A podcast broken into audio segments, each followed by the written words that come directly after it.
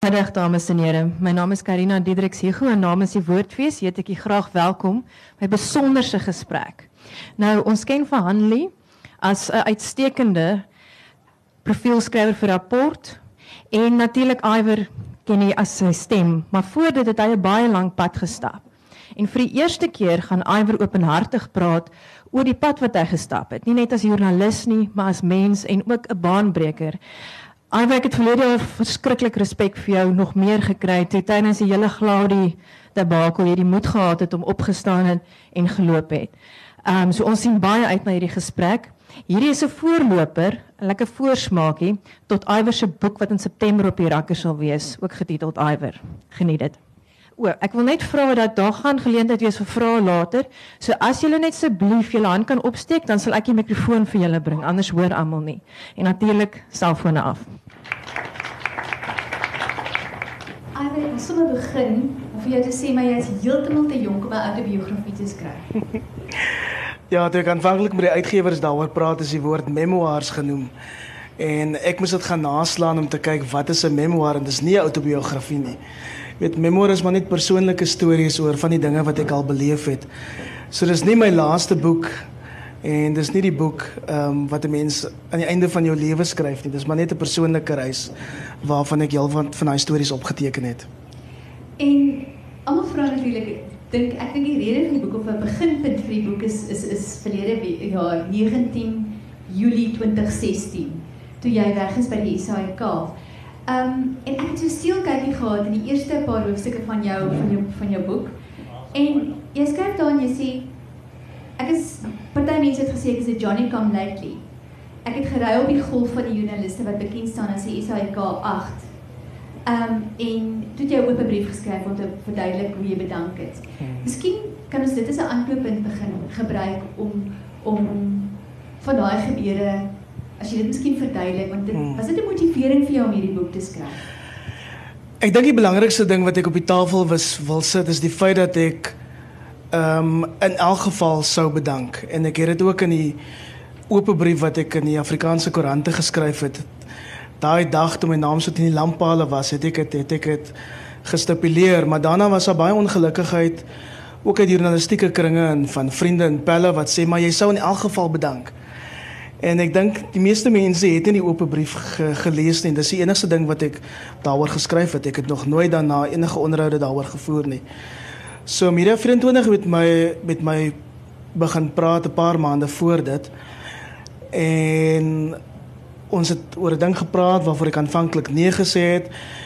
En in daai selfde week toe dit nou so half hoog drama daar by die SAK was by die gebou in Auckland Park het ek ehm um, die besluit geneem om om wel te bedank en dit is deels beïnvloed deur gebeure by die SAK maar soos ek dan sê ehm um, ek het reeds bedank. Ehm um, my kollegas was nie altyd gelukkig dat dit daai tyd in die openbare oog was nie. Dit was vir ons moeilik. Kyk, joernaliste, storievertellers, is nie vir ons lekker om ons naam in die koerante te sien nie. Dit is seker net lekker om jou gesig op 'n voorblad te sien nie. En op 'n lamppaal. En op 'n lamppaal, iwer en trane, ehm um, naai bedank. Claudie se gif is oral. sê prys. Nee. nee, ek was nie. Ja. Ehm um, wat het daar gebeur? Ek en my mede-aanbieder Anita Visser wat monitor op RSG aanbied, ehm um, was vir 'n paar weke in die Sper 4 saam met ons kollegas. Want nadat daai hele gladie storie ons kollegas begin direk raak het, het almal op ons begin fokus, selfs van ons mededinge radiostasies wat elke woord van ons program gevolg het. Dis ons die volgende oggend die koerante oopgemaak het het hulle woord vir woord berig oor wat ons gesê het en nie gesê het nie. So dit was nogal moeilik om om om so uit te saai, maar ek dink ons in die hele span het dit wel reg gekry om vreesloos te berig oor 'n ding wat baie na in die lyf was. Dis mense wat ons ken. Dis dis dis mense wat langs ons gesit het op die kantoor. Dis dis my baas Futa Kriege, jy weet. Ehm um, en dit was nie maklik nie, maar ek dink ons het deurgedruk. Ten spyte van van weerstand, teenkanting en en ook alle interne emosies. Want jy skryf hierso of op in jou tydlyn. Maar miskien as jy bietjie teruggaan, as jy nie omgee nie, toe jy begin het, daai eerste dag by die toe jy op- in Rian Kruiwagen se stoel ingeskuif het, né? Um 2 Augustus 2013. Daar het so droom vir jou waar geword. Iets wat jy eintlik nie kon droom nie as kind nie, né? Ja. Dis waar dit begin het vir jou. Dit het eintlik het dit 17 jaar terug al begin toe ek toe ek vir die eerste keer as 'n joernalis begin stories skryf het ek het in my toe ek nou my gedagtes begin voorberei vir hierdie gesprek met 'n skok begin besef dat ek al 17 jaar lank rubrieke skryf vir die vir die Afrikaanse koerante. Dis 'n lang tyd. Ja, ek was 'n laaitie toe ek die eerste geleentheid gekry het. En ek en ek was 'n koerante mens wat koerante afgelewer het soggens en dit was my hele bestaan. So ek het nooit daaraan gedink dat ek 'n uh, 'n loopbaan in die uitsaaiwese sou kon begin op radio of televisie nie en ek was gelukkig want ek het 'n paar groot breaks gekry deur in die laaste 17 jaar. Een daarvan was die voorreg wat Sandy McDonald van die SAK my gegee het om om te sê hier is 'n kans. Ehm um, ons hoor jou op radio. Er is geen luisteraars ken jou, maar wat van televisie nuus? En ek het die audisie gedoen en dit gekry en die eerste dag was wonderlik foutloos uitgesaai en die tweede dag kon ek omtrent nie, nie praat van die spanning nie maar dis 'n enorme voorreg om in om in daai stoel te sit. Jy weet, by radio ek Kobus Bester opgevolg, een van die grootste uitsaai legendes in hierdie land. Uh ek het gewerk met mense soos ehm um, Terrence April en net Francis, Louise van Wingerden by die by die SAK televisie nuus. Dis dis mense wat in sitkamers is en en die SAK is enorm. Dis die ander ding wat 'n mens nie besef tot jy daar begin werk het nie. Jy weet, jou werk bereik nie net 'n paar duisend mense, honderde duisende mense nie. Dis miljoene mense. Ek onthou by Madiba se begrafnis wat ek as 'n radiojoernalis gedek het nog vir RSG. Stap ek daar in die straat af en ons wag vir Madiba se kus om verby te kom. En dan kom 'n Xhosa laaitie aangehardloop op Qunu in die Ooskaap. En hy sê vir my jy's die ou van die Afrikaanse nuus. En dit is maar 'n laaitie. En dan raak 'n mens klein as jy besef hoe groot daai voorreg is om om in sulke stoele by die by die openbare uitsaier te kon bekleem. En dit was wonderlike tye. Jy het 1 jaar al die media veertjies gewen, hè? Monitor. Ja. Dit was verlede jaar, ja, ons het in al die kat- kategorieë ingeskryf. En monitor en eintlik al ons nuusprogramme het in 'n paar jaar voor daar nie eintlik pryse gewen nie en maar dit is 'n wonderlike atmosfeer op kantoor gewees. Ingeskryf en wonderbewonder het ons laas jaar al die pryse gewen. En vir my was dit nog 'n groot oomblik, nie net vir ons nie, maar maar 'n veertjie in die hoed van iemand soos Futa Kriege. 'n Fenominale joernalis wat ek dink ehm um, wonder hy elke dag reg kry by RSG se nuus en aktualiteitsprogramme Monitor Spectrum naweek aktueel kommentaar. Is nie ou van wat hou van die kollig nie, maar hy is die ou wat die draadjies bymekaar trek. En kort daarna het die bom eintlik Futa eerste getref by die SAK. Ehm um, net in my, net daarna, né? Ja, ja. direk daarna. En ehm um, mense sal seker onthou dit begin met 'n opdrag wat Glari Motsoneng, voormalig van die SAK van die MEC gegee het wat hy toe uiteindelik verontagsaam het. Wel, dan weet jy meer as wat ek weet. Ehm um, en ewe skielik is hulle afgedank en ek het net besluit ek kan nie daaroor stil bly nie.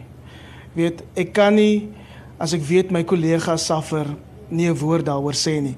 En vir 'n joernalis is dit 'n moeilike ding want eintlik skryf jy nie oor jouself nie. Jy probeer die hele tyd wegskryf van jouself af. Ehm um, so ek verstaan ook mense wat my daaroor gekritiseer het, jy weet. Ehm um, ons wil nie die nuusmakers wees nie en ons behoort ook nie, maar ek dink daar kom 'n tyd in elkeen se lewe waar jy besluit waarvoor staan jy op en waarvoor nie. Was dit vir jou 'n moeilike besluit? Ek bedoel eers was Puta en Suna geskort, né? Hangende te ondersoek en toe toe toe sit Boesie en Tuli en Jacques en in Kribani Pelay net daarna. Toe toe word dit al want eers was jy net dopgehou. Hoe het dit vir jou gevoel? Weet dit sal half RSG was altyd so half op sy eie plekkie, né?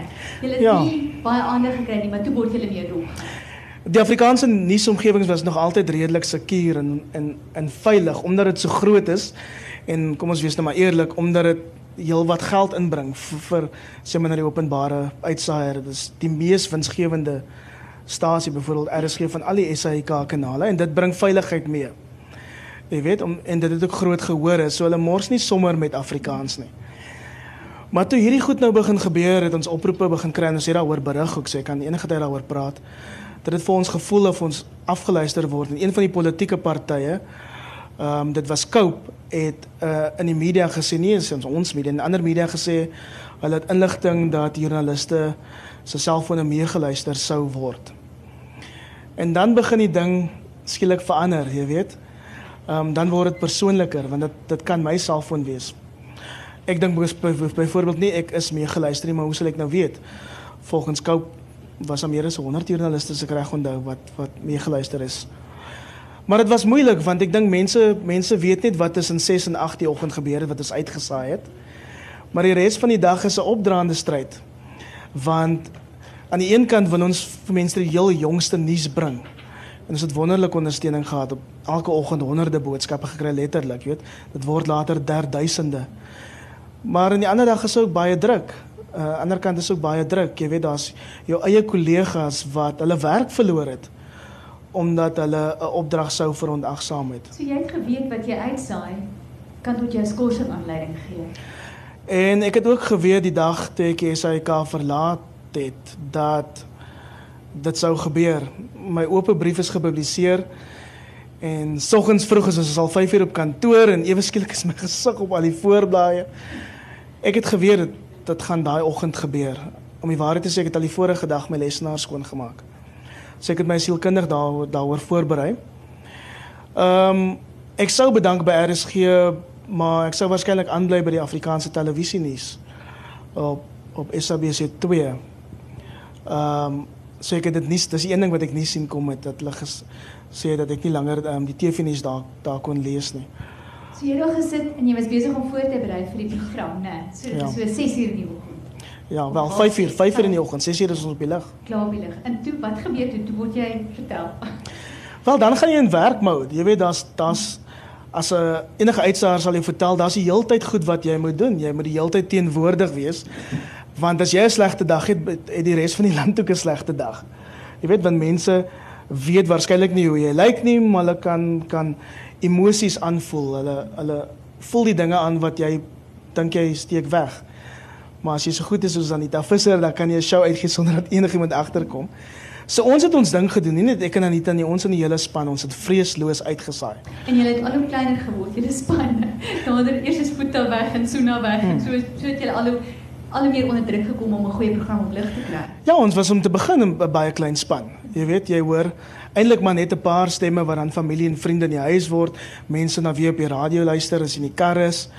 Ehm um, en en sonder uh, uitvoerende regisseur veral soos Futa Kriege wat so 'n groot rol speel in ons programme. Voel mense nogal bietjie man down. Jy jy's eweskielik weerloos, jy's jy's jy's blootgestel. Ehm um, jy nou daar voorberei in.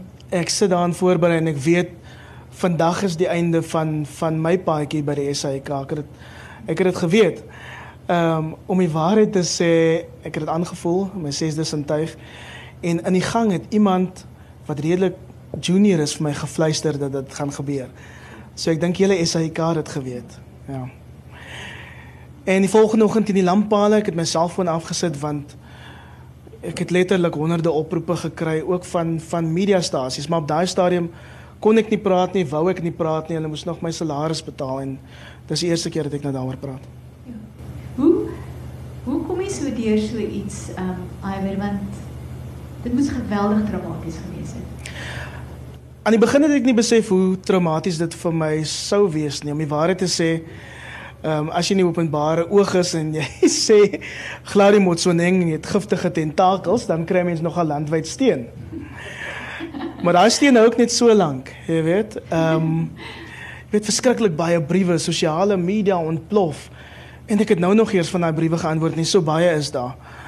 Ehm um, en dan skielik raak dit stil.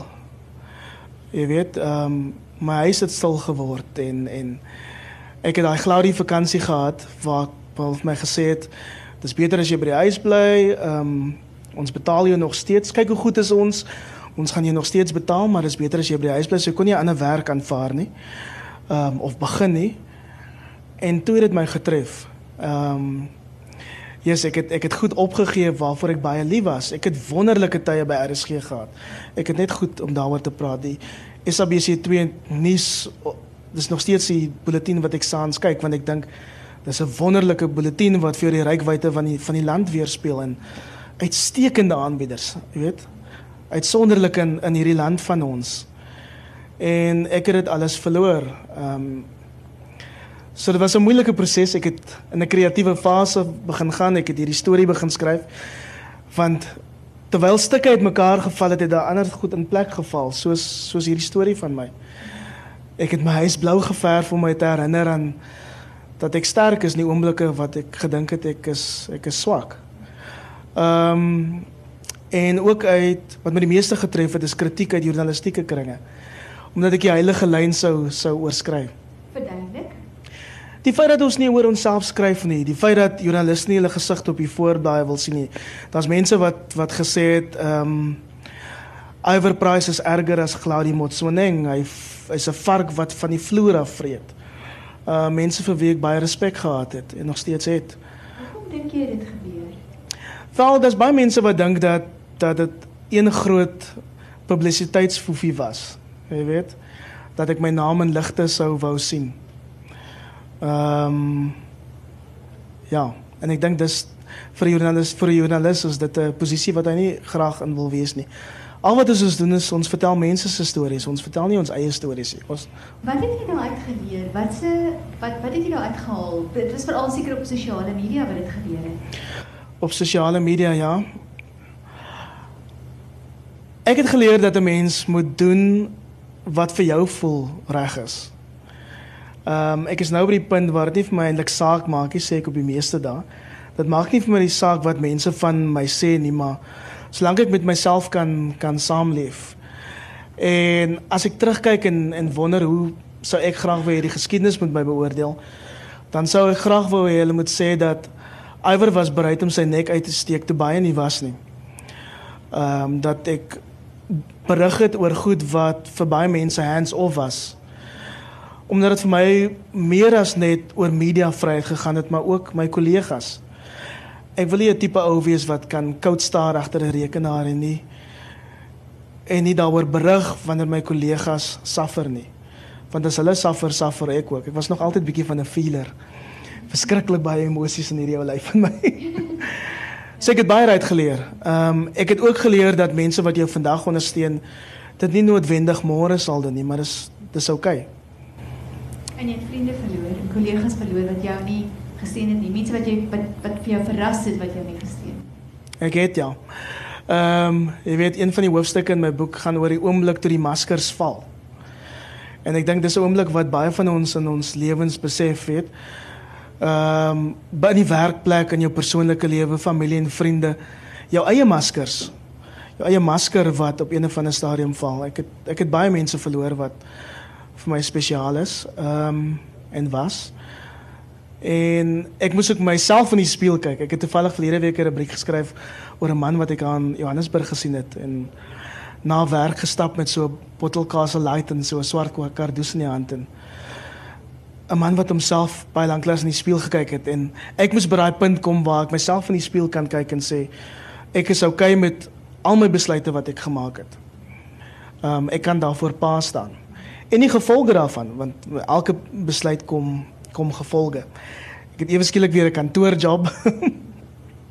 Toevallig, ek was 11 jaar van my lewe by Media 24, 6 jaar by SAK, terug by Media 24 en ek raak gewoond daarvan. Ek het 'n daar ek het 'n uitdagende lekker werk. So dis 'n nuwe fase in jou lewe. Ja. As, as jy jy dit en dit was die opskrif dink ek gewees oor die giftige tentafels van Glaudie. Ehm um, as jy nou terugdink aan die skade daarvan, jy dit opsom? Die vreemde ding is toe ek hy ding geskryf het was was ehm um, paar mense vir my kwaad wat ek nou klaar uitgewys het en 'n paar maande later sê, sê die ANC in 'n verklaring Glaudie Motsoeneng is poisonous. Jy weet. So wat ek gesê het is toe maar later geëgo deur omtrent elke politieke party waaronder die die meerderheidsparty. Ehm um, Ja. Toe jy die het jy die ad hoc komitee se ondersoek gevolg? Hoe het jy dit ervaar? 'n Groot oomblik vir Suid-Afrikaanse journalistiek om te kan sien dat joernaliste so braaf is in ons tyd en ek hoop oor 40, 50 jaar gaan die geskiedenisboeke skryf oor mense soos Krivani Pillay, Lukanye Kalata, ehm um, wat daarvoor daai parlementêre ad hoc komitee verskyn het en net vreesloos gesê het wat fout is by die openbare uitsaier. En dis mense as jy hulle sou vra, hulle wil nêrens anders werk as by die SAIK nie en ek verstaan dit. Dis 'n wonderlike plek om om te werk, jy weet. Baie mense het my in die laaste paar maande van ek al weg is gestop en dan sê hulle, ja, "Ek is nou so bly jy's daar weg." En dan sê ek, "Oké, okay, nee, wag nou." Dis van die lekkerste plekke, indien nie die lekkerste plek waar ek al gewerk het nie. Wat ons sien in die openbaar is daai monster eh, met die naam Gladie Motsoneng. Maar die res van die afdelings word wonderlik bestuur met great mense. Van die land se beste joernaliste is daar by die SAK. Ehm um, jy het iewers geskryf, ek dink in jou manuskrip wat jy gesê het van die middernagtelike SMS'e wat jy gekry het. Ehm um, omdat jy die boere se kant gevat het. Daai tipe en en jy weet dat dat jy ehm um, dat eintlik Gladie handeklappe kry omdat hy transformasie soort van vasgevat het of wat ook al. Wat wat het jy daarvan beleef en wat het jy vertel van van die dinamika nog steeds? Ja, daai middernagtelike SMS'e het op die verkeerde tyd gekom. Ek het ek het nie gedink ek gaan oorleef nie. Was dit baie moeilik? Dit was vir my moeilik want want ek is 'n people's pleaser by nature en ek werk daarin. Ek weet dis nie 'n goeie ding nie. Al wat ek in hierdie lewe wil hê is dat almal oor die weg moet kom en dit werk ongelukkig nie so nie. En dan ewe skielik is daar WhatsApp boodskappe van van mense wat my sleg sê ek is 'n boereboetie En eintlik kry ek dit al van ek in Afrikaans begin werk het. Ehm um, mense wat sê hoor hoe praat hy ehm um, nou werk hy weer vir 'n boeremaatskappy. Hy ondersteun die SAK 8 ehm um, en eintlik is die meeste van die SAK 8 nie eers nie eers wit nie. Seker dit nie heeltemal verstaan nie en ek dink ook jy al daai kritiek was rasioneel nie. Ehm um, maar dit het my ietsie geleer oor hoe mense goed ervaar. Ehm um, jy skryf in jou eerste sin. Dit is so ehm um, hou in die maag eerste sin. In jou in jou manuskrip skryf jy hulle sê ek hou vir my wit. Sjoe. Ehm um, Ja. Jo. En dit gaan alles oor hoe mens Afrikaans praat en en en wat mense nie besef nie, is hy ding van standaard Afrikaans. Ek is van Kraaifontein. My hele familie praat soos ek praat.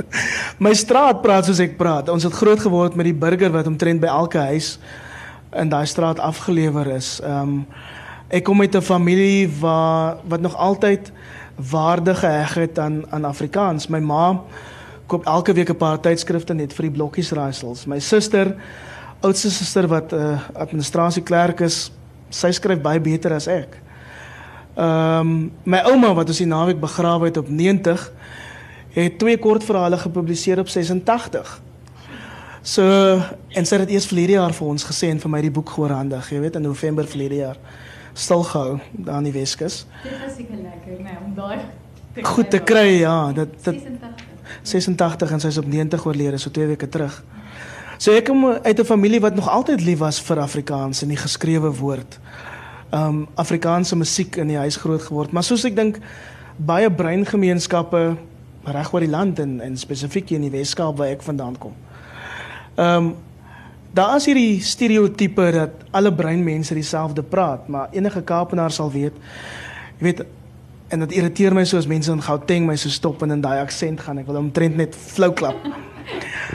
In Mitchells Plain praat hulle spesifiek Afrikaans en dan ry jy op die N2 en dan kom jy in Belhar en daar verander die Afrikaans al klaar en kom jy in Kraaifontein en Parel dan gaan hoor hoe praat die Parelite as jy dink I will price praat snacks of in Mamasbury.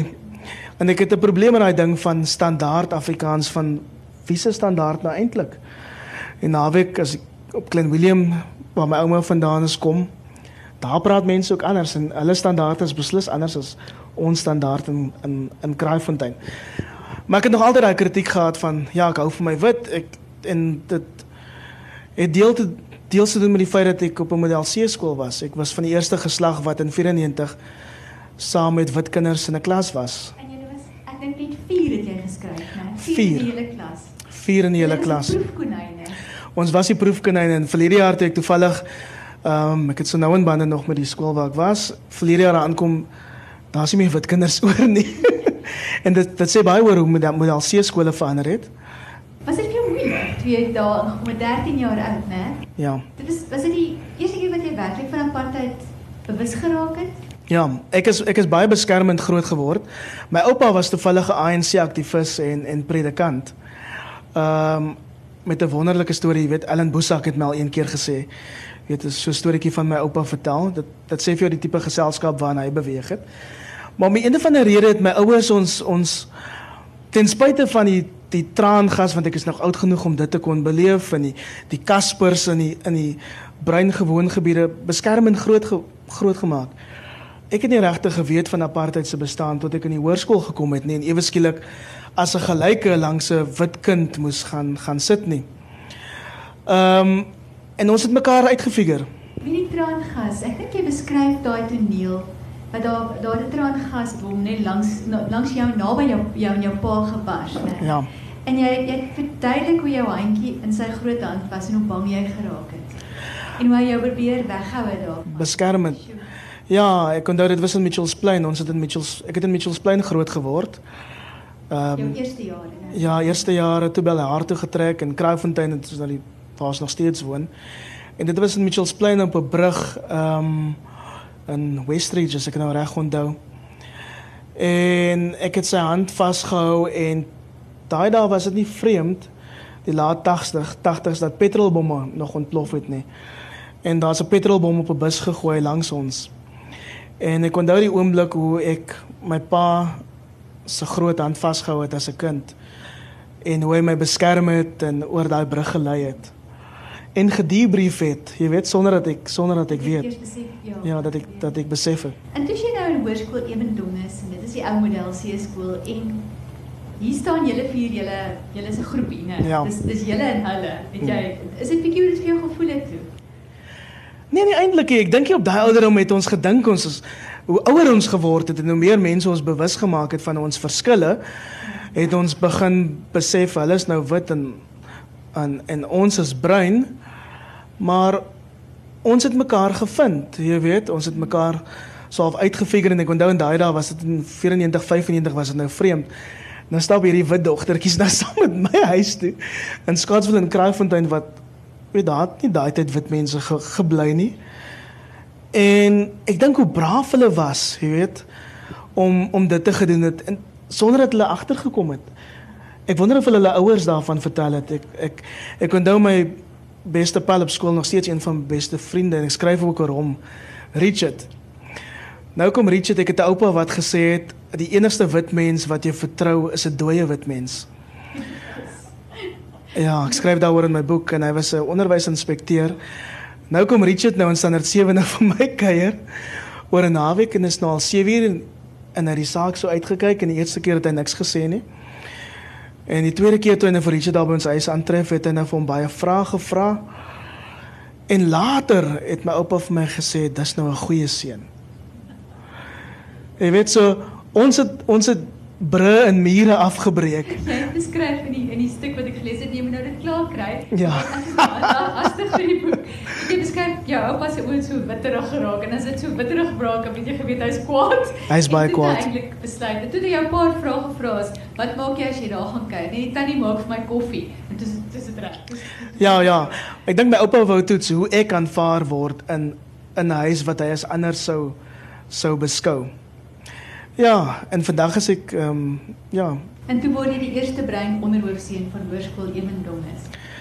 ek het en ek het dit nie op daai stadium besef nie. Jy weet, ons was net kinders. Agterna die mense vir my gesê hoe groot oomblik dit dit nou eintlik was. Eintlik was ek maar net 'n hoofleerling wat ingestem is deur die deur die res van die prefekte, jy weet. En nog altyd was dit vir my 'n ding. Ek wou nooit 'n job hê waar hulle sê ek is 'n BE aanstelling nie. Want eintlik ehm um, skryf ek ook in die boek as ek al in die journalistiek lank voor um, regstellende aksie 'n ding is in hierdie land, jy weet. Ehm um, dis nou al 17 jaar later. Maar as 'n mens Afrikaans is en en jy volg 'n eensame paadjie as 'n as 'n brein persoon wat kies om in Afrikaans te werk, is daar altyd die beskuldiging dat jy werk sal kry op grond van van jou velkleur. Ehm um, ek het dit ervaar by met van die publiek soos na SA SABC2 nuus by Monitor ook en dis eintlik 'n lekker uitdaging want elke keer moet jy jouself bewys en sê hoorie ek kan hierdie job doen. Hoe kry jy so reg dat daai etikette nie aan jou vasbly klou nie in jou kop? Dis maar altyd in aan in 'n mens se kop, maar ek dink ek het nog altyd so hard as moontlik probeer werk. Ek kom uit 'n familie van verskriklike harde werkers. Ehm um, my pa en my jonger broer en ek het soggens op skool al 4 uur opgestaan om te gaan koerante aflewer by mense se huise. Ehm um, want ons glo in die waarde van werk. Ek en my my susters en my broer het oor naweke ehm um, in die Pick n Pay hipermark in Brackenfell gewerk op skool al, jy weet. So dit was nog altyd vir my belangrik om hard te werk. Mense moet sê Iwer het sy werk goed gedoen. Uh en soms bietjie te hard te werk, jy weet, tot jy eintlik flou is. Ehm um, en dis maar hoe jy van daai etiket etiket ontslaak kan raak as mense kan sê uit die beste gedoen. Ehm um, en hopelik ook uit beter gedoen. Ja. Daar was gister ek dink op die woordfees was daar 'n gesprek gewees oor breinidentiteit. Ehm um, en daar 'n gesprek met loskom daaroor. Wat is jou gevoel daaroor? Hoe ervaar jy die gesprek daar rondom? Daar was 'n man wat vir my 'n brief geskryf het en gesê het hy gaan hierdie praatjie bywoon. Ek dink hy is hierdie.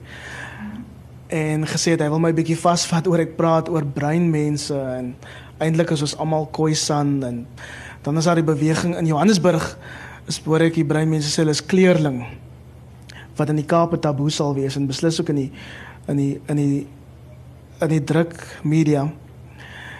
Dit is my wonderlik dat ons nou by 'n plek is waar daar al hoe meer breinstemme na vore kom, natuurlikerwys. In die uitsaaiwese, in die journalistiek, in die vermaaklikheidswêreld. Gaan kyk maar net hoeveel mense, breinmense op plakate is hier by die by die by die woordfees. En dis almal wat hulle nie oornag sukses geword nie, hulle taal wat amper twee dekades lank ingesit om om oornag sukses te raak. Ek dink is belangrik vir die breinkinders daar buite. Ehm um, as ek in my gemeenskap kom, is dit vir my hartseer om te sien dat die mense wat beter as ek gedoen het op skool byvoorbeeld, hulle staan op die straathoeke en dan sal baie mense sê dis 'n onnodigheid, hoekom moet daar 'n breinidentiteit wees? Maar ek weet watter verskil dit aan my gemeenskap gemaak het om my op SABC2 te kon sien of my gesig in 'n koerant soos die burger te kon sien. Daar's 'n tekort aan breinrolmodelle daar buite. En dis hoekom ek dink daar's al meer gesprekke oor identiteit nodig om te sê ek is wie ek is en jy kan ook wees wie jy is in Afrikaans.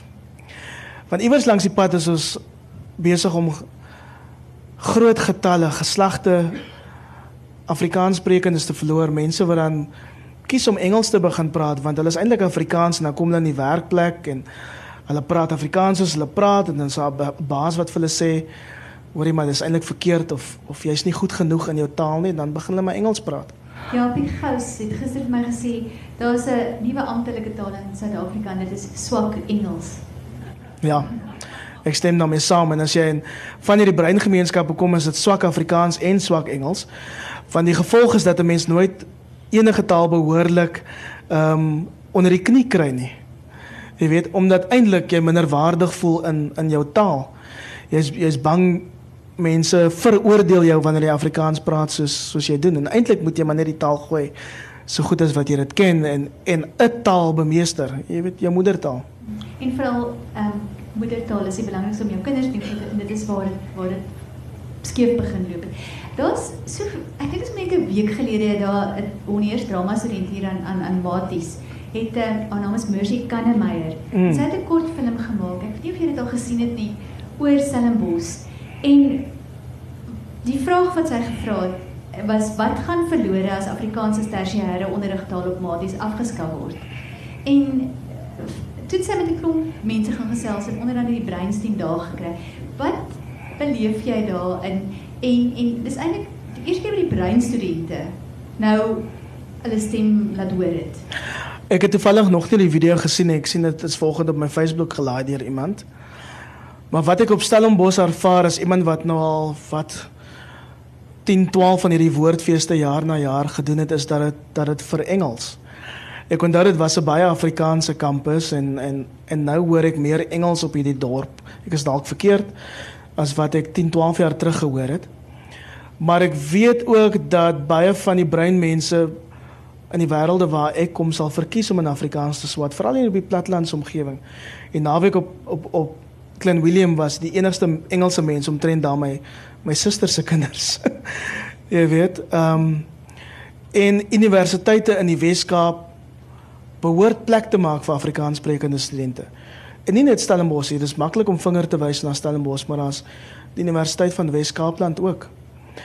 Maar ek is ook ongelukkig nog nie van daai manne wat gaan sê ek gaan nie 'n bottel water drink as dat nie in Afrikaans opgeskrywe staan nie. Ek wil nie so eng wees oor oor 'n taal nie. Ek bedoel wil jy praat of wil jy vreet? Byvoorbeeld. Ehm um, so ek wil nooit daai taalstryder etiket om om my net en ek wil net leef en doen in die taal en hopelik is dit 'n voorbeeld vir iemand daar buite. En werk in die taal. En werk in die taal. En en dit bring my by by koerante of jy waar jy nou werk by Media 2024.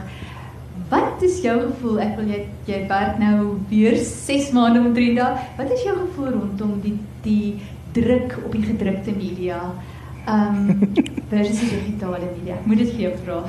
So ek was 11 jaar by Media 24, amper 6 jaar by die SAK en ek is nou so 6 maande terug by Media 24 en wat ek nie kon sien kom nie, ehm um, is hoe baie die wêreld verander het. Ek het in 'n nuwe maatskappy ingestap.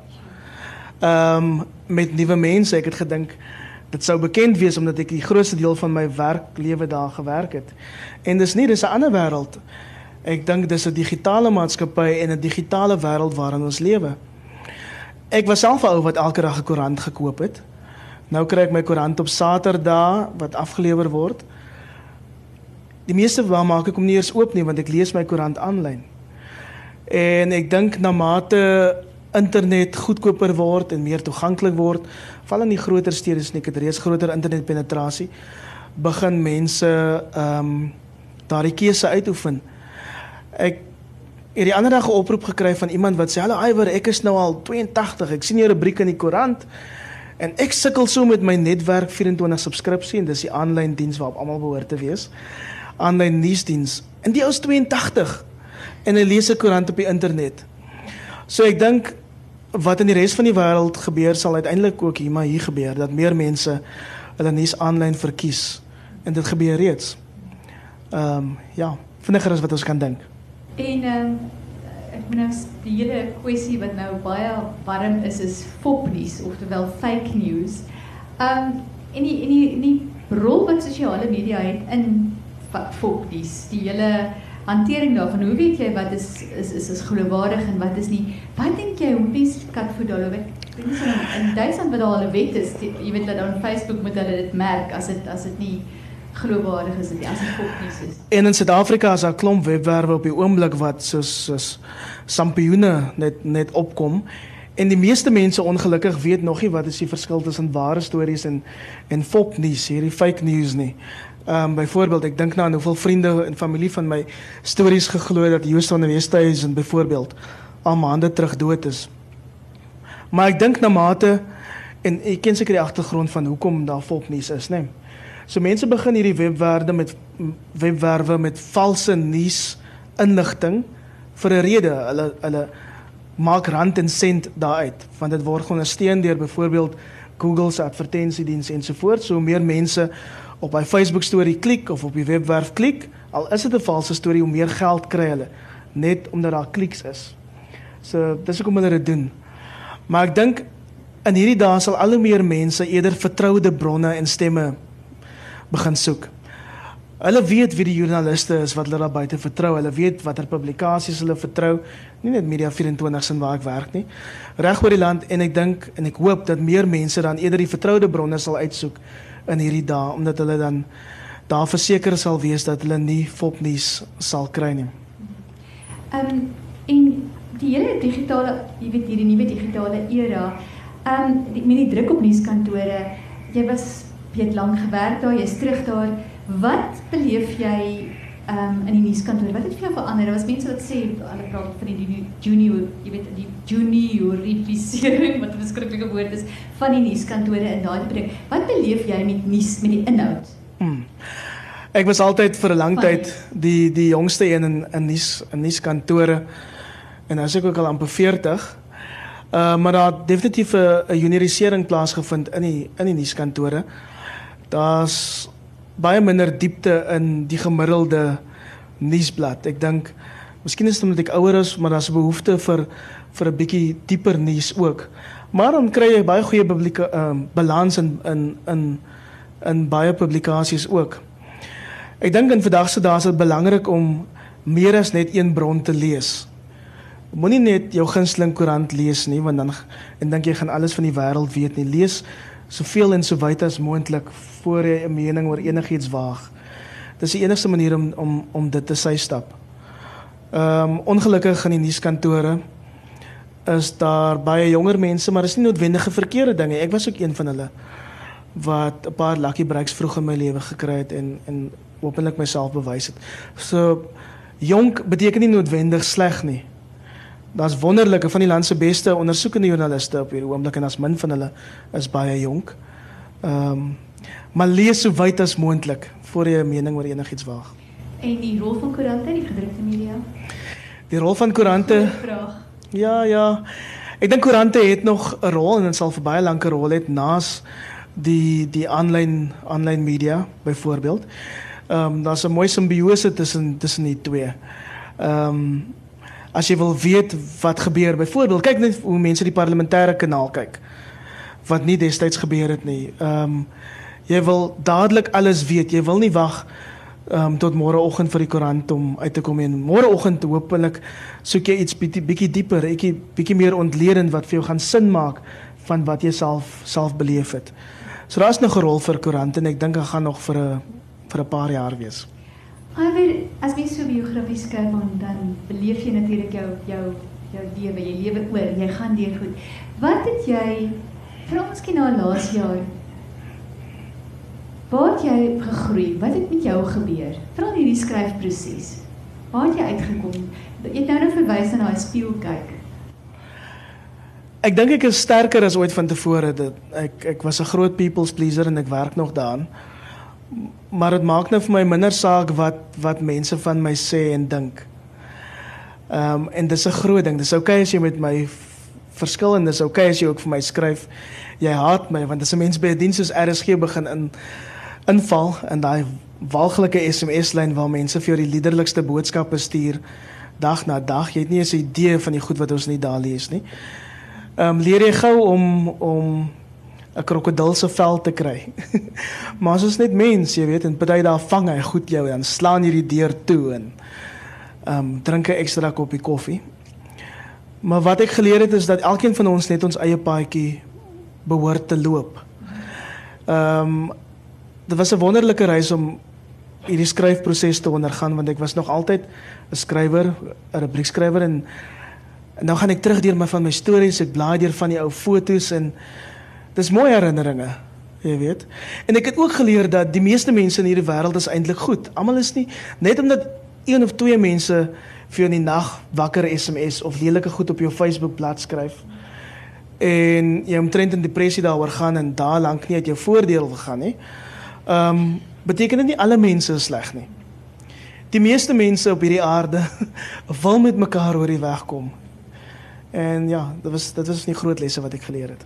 Daar's een een stuk in jou in jou manuskrip wat ek hoop jy sal vir ons lees. Ja. Dis die peerbome. Ja. Ek het hom hier so as jy hom nie daar kan kry nie.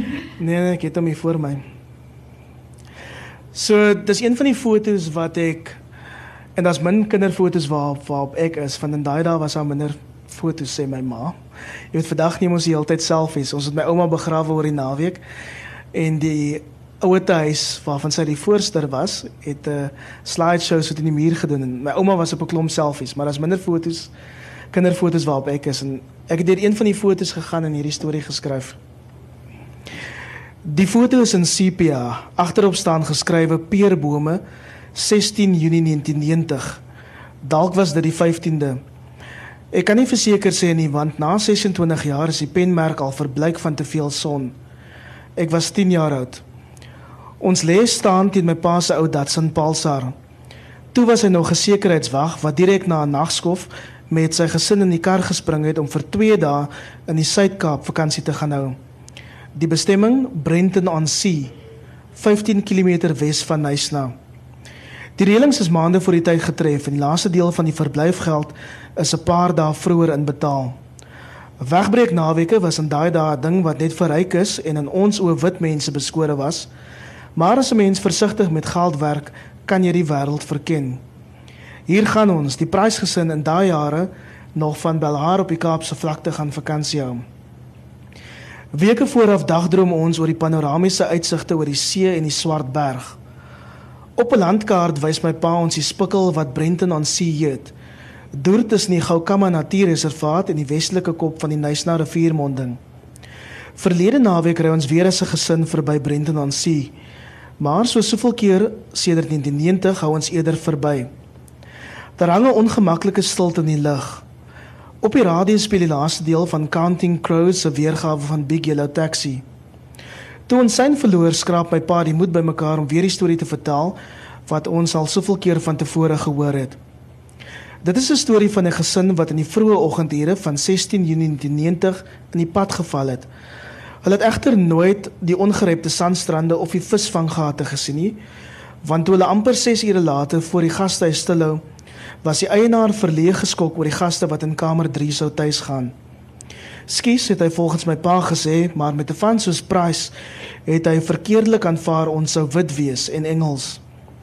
Die gastehuis eienaar het die note uitgetel wat my pa oor baie dubbelskofte bymekaar gemaak het en die deur beleef toegetrek. Dit was nie in die apartheids daar vir hom nodig om te verduidelik waarom net wit mense daar welkom was nie. Van die ander blyplekke in die omgewing het daarna ook gesê hulle wat hulle vol bespreek was, maar die implikasie was duidelik. By 'n nabygeleë volstasie het 'n langafstand trokdrywer vertel van 'n stilhou plek wat as die peerbome bekend gestaan het. Ons het sommer in die kar geëet en ook in die kar oornag. Die foto's op die oggend 26 jaar gelede geneem. Ja. 1990 en 4 jaar later was ek in 'n model C skool. Ehm um, die debatspreker gewen.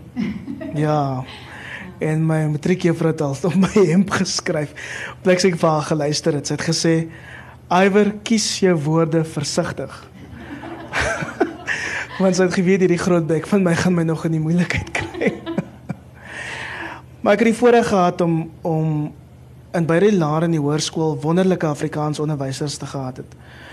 Daar was 'n stadium in my lewe dat ek regtig nie geweet het wat ek wat ek sou doen nie. En daar was 'n wit Afrikaanse juffrou op hoërskool Annie van Wyk. Ehm um, wat gesien het hierdie kind het iets spesiaal met Afrikaans. En op die laerskool was daar 'n meneer Afrikaans meneer Kirby van der Merwe wat vandag 'n joernalis is. En en 'n skrywer, gepubliseerde skrywer wat ook gesien het ek het dalk potensiaal met met die geskrewe woord. En as dit nie vir hulle was nie, was ek een van daai slim kinders wat vandag op die straathoeke gestaan het, jy weet.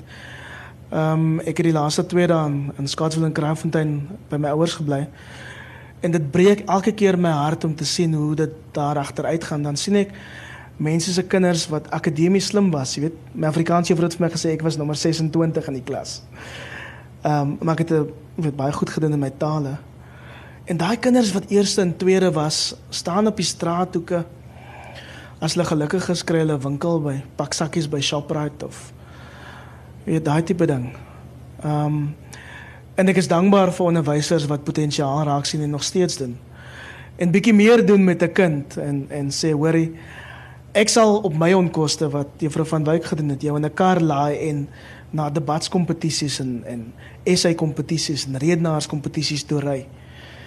Mense wat dinge wil verander en dit dit gebeur nog elke dag. Maar ek is dankbaar dat ek in my lewe twee sulke helde gehad het. Anders weet ek nie waar ek sou wees nie.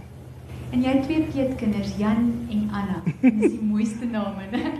Ja, hulle het. Wat ten slotte dan ek dink ons nog 'n klein bietjie tyd vra maar wat wat, se hoop gee vir hulle? Het jy vir hulle hoop vir hierdie toekoms wat voor hulle lê? Ek glo in Suid-Afrika.